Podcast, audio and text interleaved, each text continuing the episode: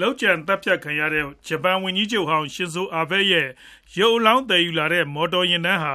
တိုကျိုမြို့တော်က နေအိမ်ကို စနေနေ့မှာ ရောက်ရှိလာပါတယ်။တိုကျိုမြို့တော်က နေအိမ်နဲ့ Nara မြို့က လုပ်ကြံသတ်ဖြတ်ခံရတဲ့ နေရာအနီးတဝိုက်မှာတော့ ဝန်ကြီးချုပ်ဟောင်း သေဆုံးမှုအတွက် ဝမ်းနည်းပူဆွေးသူတွေ စနေနေ့က စုဝေးခဲ့ကြပါတယ်။ဝန်ကြီးချုပ်ဟောင်းရဲ့ ဈာပနအခမ်းအနားကို အင်္ဂါနေ့မှာ စီစဉ်ထားပြီး ရင်းနှီးတဲ့ မိတ်ဆွေတွေ တက်ရောက်ကြမှာ ဖြစ်တယ်လို့ မီဒီယာတွေကို ပြောပါတယ်။ တိုကျိုမြို့တော် အနောက်တောင်ဘက် ကီလိုမီတာ ၄၅၀ အကွာမှာရှိတဲ့ Nara မြို့မှာတော့ ဝန်ကြီးချုပ်ဟောင်း ဓာတ်ပုံထောင်ထားတဲ့ စားပွဲမှာ အမှတ်တရ ပန်းစည်းတွေချဖို့ လူတွေ တန်းစီ စောင့်ဆိုင်းနေကြပါတယ်။ ဝန်ကြီးချုပ်ဟောင်းကို အနီးကပ် ပစ်ခတ်ခဲ့တယ်လို့ သံသယရှိတဲ့ အသက် ၄၁ နှစ်အရွယ် အမျိုးသားကိုတော့ ရဲတပ်ဖွဲ့က ချက်ခြင်းဆိုသလို ဖမ်းမိခဲ့ပြီး အိမ်တွင်းဖြစ် သေနတ်နဲ့ ပစ်ခတ်ခဲ့တာ ဖြစ်နိုင်တယ်လို့ အာဏာပိုင်တွေက ယူဆပါတယ်။ဝန်ကြီးချုပ်ဟောင်းရဲ့ မဲဆွယ်စည်းရုံးရေးပွဲကို စောင့်ကြပ်ပေးရတဲ့ ဒေသခံရဲတပ်ဖွဲ့ကတော့ လုံခြုံရေး အစီအမံတွေ အားနည်းခဲ့ကြောင်း စနေနေ့မှာပဲပြောဆိုခဲ့ပါတယ်ခင်ဗျာ။